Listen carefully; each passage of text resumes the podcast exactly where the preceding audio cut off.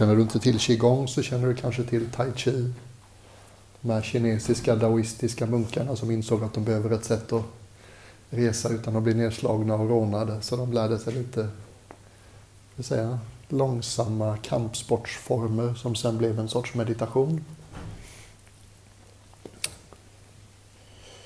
Och den klassiska instruktionen är att man står med fötterna på ungefär axelavstånd.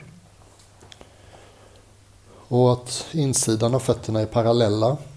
För de flesta av oss så känns det lite som kofot. Mm.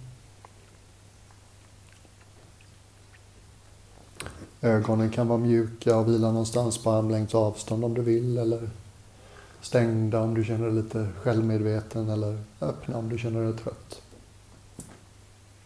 Bara börja med att ge fotsulorna din fulla uppmärksamhet. Det där vi har gjort både med Kristina och mig när vi har lagt märke till tyngden i kroppen. Det upplever i alla fall Kristina och jag som väldigt grundande. Och det gör vi nu också fast vi står.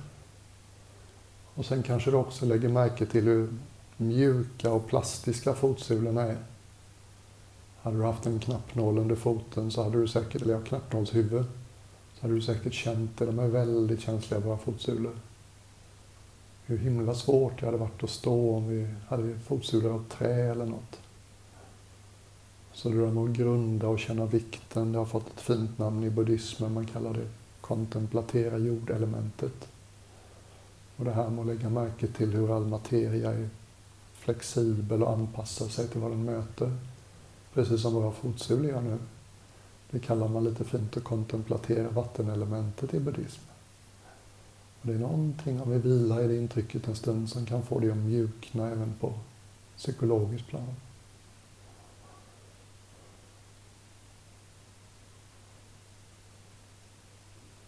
Och checka att du inte bara står på trampdynorna eller hälarna utan att både trampdynorna och hälarna är med och bär dig något sådär balanserat.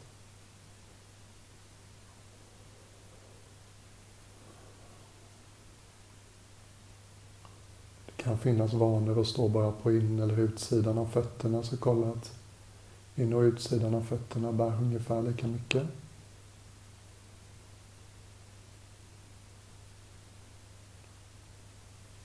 Det kan vara svårt att känna när ingen kittlar oss, men den här platsen i fotvalvet där vi är som kittligast.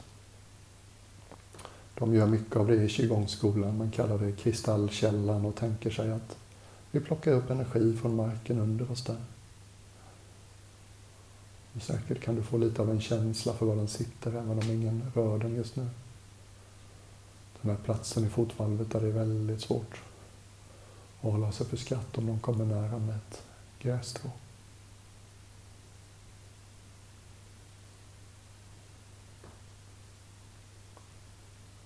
Ge tårna lite uppskattning. Det är inte så lätt att vara tå i den här moderna skovärlden. De ska trängas ihop där. Lägg märke till tårnas kloliknande egenskap. Inom qigong och tai chi så tänker man sig att energi rör sig lättare genom en böjd led än en uträtad. Så låt knäna vara böjda. Så du har flex i dem.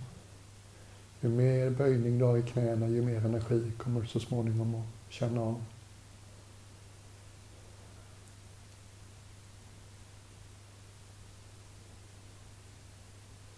Lägg märke till de starka vadmusklerna lårmuskeln, den största muskeln i hela kroppen.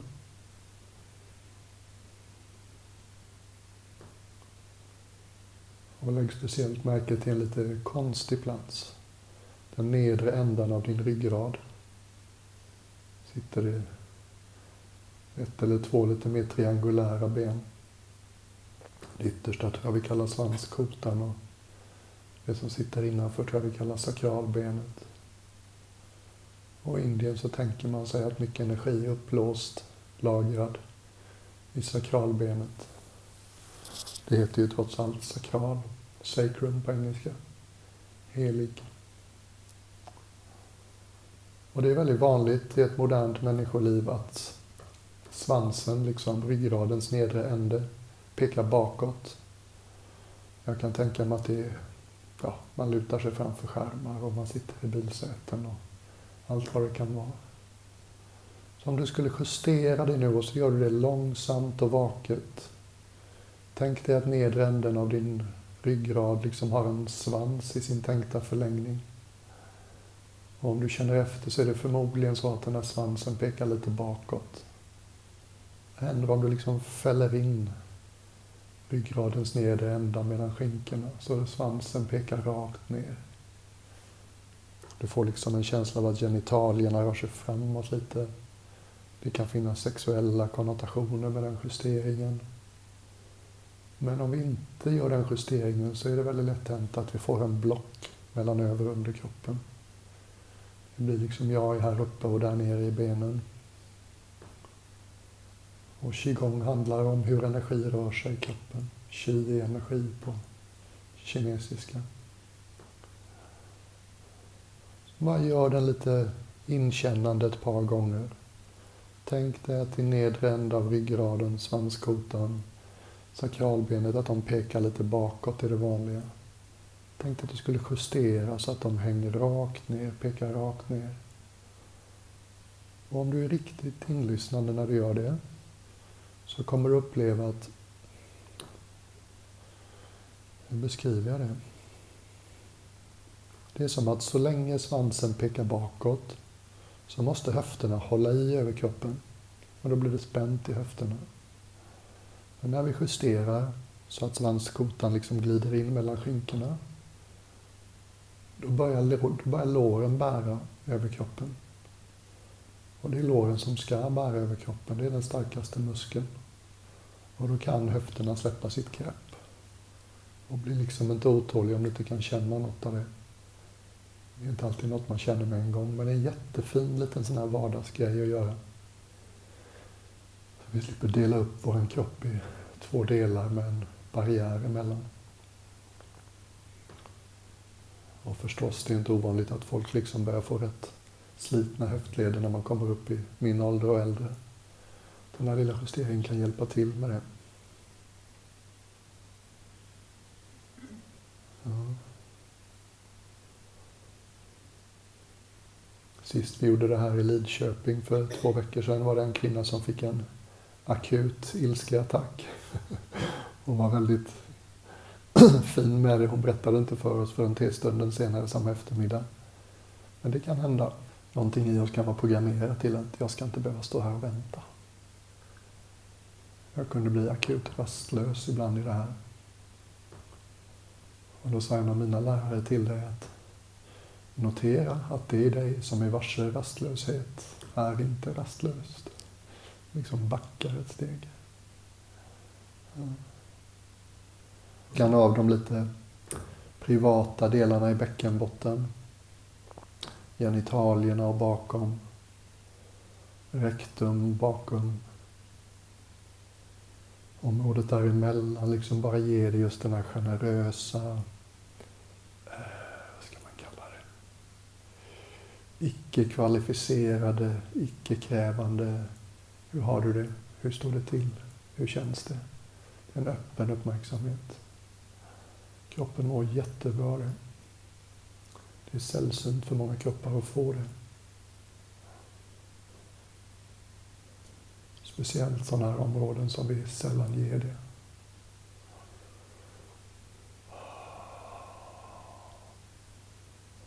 Så känn hur du har lite känsla för svansen och har lite känsla för genitalierna, rektum, området emellan. Det är som att du har blivit lite mer medveten om bålens bas. Mm. Och så gå upp till den här platsen jag försökte peka på i en annan meditation. Någonstans innanför, nedanför naveln.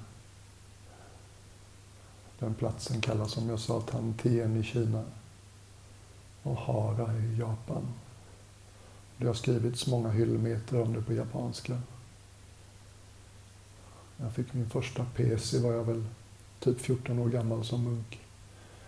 Så småningom hittade jag Youtube och började söka på såna här gamla tai chi-mästare. Såna här underbara klipp där liksom taniga gamla män står på en matta. Unga starka män försöker putta omkull dem, ibland två stycken samtidigt. Och de lyckas inte, det ser helt konstigt ut. Men det är just för att männen är vana qigong-utövare. De har liksom en låg fästpunkt. Mm. Om du fortfarande undrar vad jag pratar om när jag pratar om energi, så lägg märke till hur det känns i dina handflator nu. Kan du känna hur det liksom surrar i dem? En högfrekvent vibration som jag tror alla känner. Det är det jag menar. Det kallas qi i Kina och har gett namnet till qigong. Det kallas ki i Japan. Och är rätt mycket samma sak som prana skulle jag säga i den vediska traditionen. Jag kallar det bara vitalitet. Vi tycks inte ha några bra ord för det på västerländska språk. Och samma här. Undvik uträtade leder. Låt alla de små lederna i varje finger får ha lite böj i sig. Låt armbågen få ha lite böj i sig. Låt axelleden få ha lite böj i sig så inte överarmarna ligger klistrade mot sidan av överkroppen. Gör det lättare för dig själv att tillgå den energin du redan har.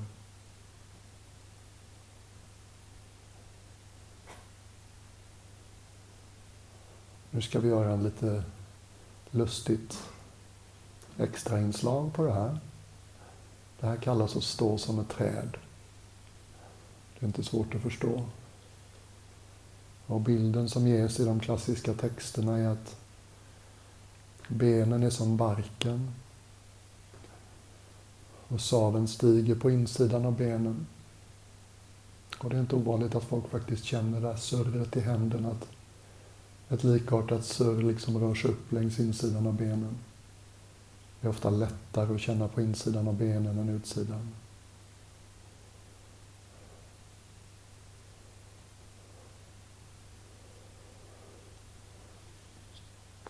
Och innan vi gör nästa steg vill jag bara kolla att huvudet sitter något sånär på. Tendensen för de flesta av oss är att luta det framåt och då tvingas nacken jobba extra. En lustig liten bild som kan hjälpa oss att justera huvudet. Det är att tänka sig en tråd fäst från den här lilla virveln långt bak uppe på gässan. Den sitter ju faktiskt i ryggradens tänkta förlängning. Och som du tänker dig att något vänligt sinnat himmelskt väsen lyfter på den där tråden lite som sitter i din gässa. Så är det som att huvudet seglar upp lite grann, flyter upp lite. Utan att hakan liksom flyter upp så mycket. Ofta kan det kännas som att man får lite plats mellan kotorna överst i ryggraden. Ofta känns det lite som att gå mot dubbelhakevarningsposition. Bara en bra referens att ha.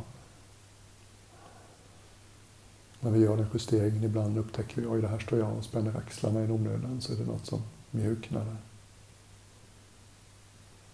Om du nu tänker att vi står i en flod och än så länge är vattnet bara lårhögt och vi står med framsidan av kroppen vänd nedströms och som av magi så börjar sakta vattnet i floden att stiga. Det stiger väldigt, väldigt långsamt. Nu når, nu når du upp till dina händer.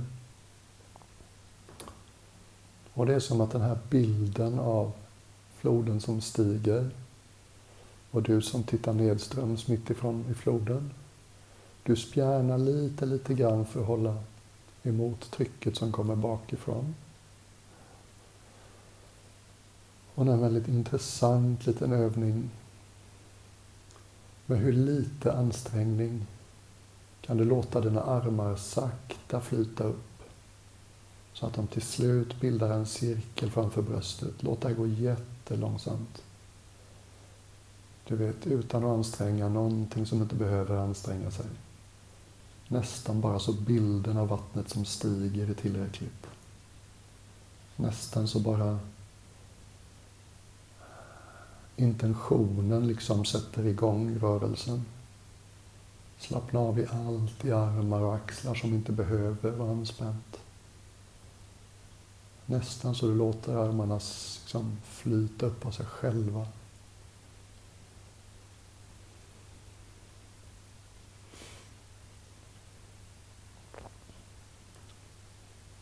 Och när du till slut är framme så låt dina fingertoppar på de två händerna ha 3, 5, 7 centimeter mellan sig. Och blir du trött eller dyker bli vimsig så bara sätt dig. Det här är ingen uthållighetstävling. Ett intressant fenomen som kan uppstå när vi hittar rätt avstånd mellan de två händernas fingertoppar. Att vi ofta kan känna hur energi rör sig mellan de två händerna. Och bli inte orolig om du inte känner det. Och den här charmerande, ovanliga avslappning mitt i ansträngning. Du har armarna i en cirkel framför bröstet. Det är jobbigt. Men lägg märke till att det blir mindre jobbigt när du slappnar av i det som inte behöver vara anspänt. Hela tiden börjar små muskler spänna sig som inte behöver vara spända. Hela tiden slappnar du av i det som inte behöver vara spänt. Ibland kan man få en känsla för att Qi rör sig mellan fingertopparna på de två händerna. Ju mer böjd du har i knäna, ju mer energi stiger upp genom kroppen också.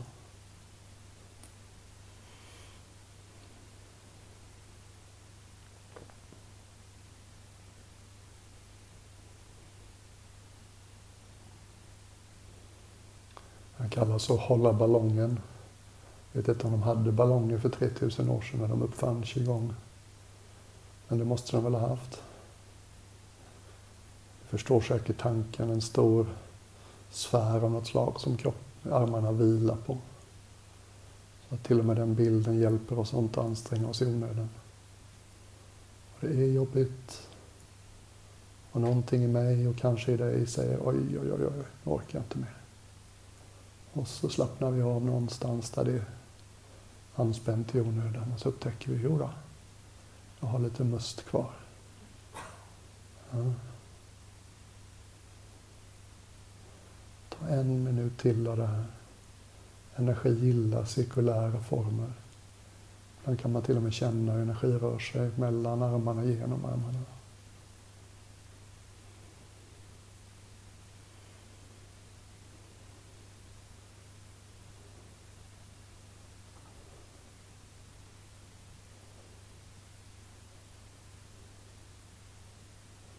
Och sakta så börjar plötsligt floden att sjunka.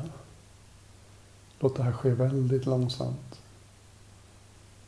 Vi är på väg och så småningom lägga bägge handflatorna mot Hara, mot en plats innanför under naveln. Låt verkligen den här bilden av floden som sjunker. Bryt inte kontinuiteten utan bara följ känslan. Följ hur det känns. Så sakta låt dina handflator vila runt naveltrakten. Känn hur varma de är. Hur det surrar i dem.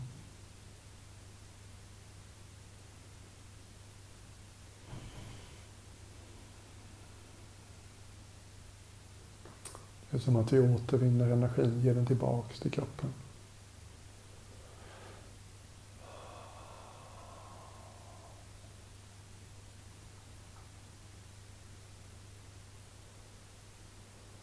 Sen i godan ro utan att liksom släppa allt utan med en slags kontinuitet av närvaro så sätt dig.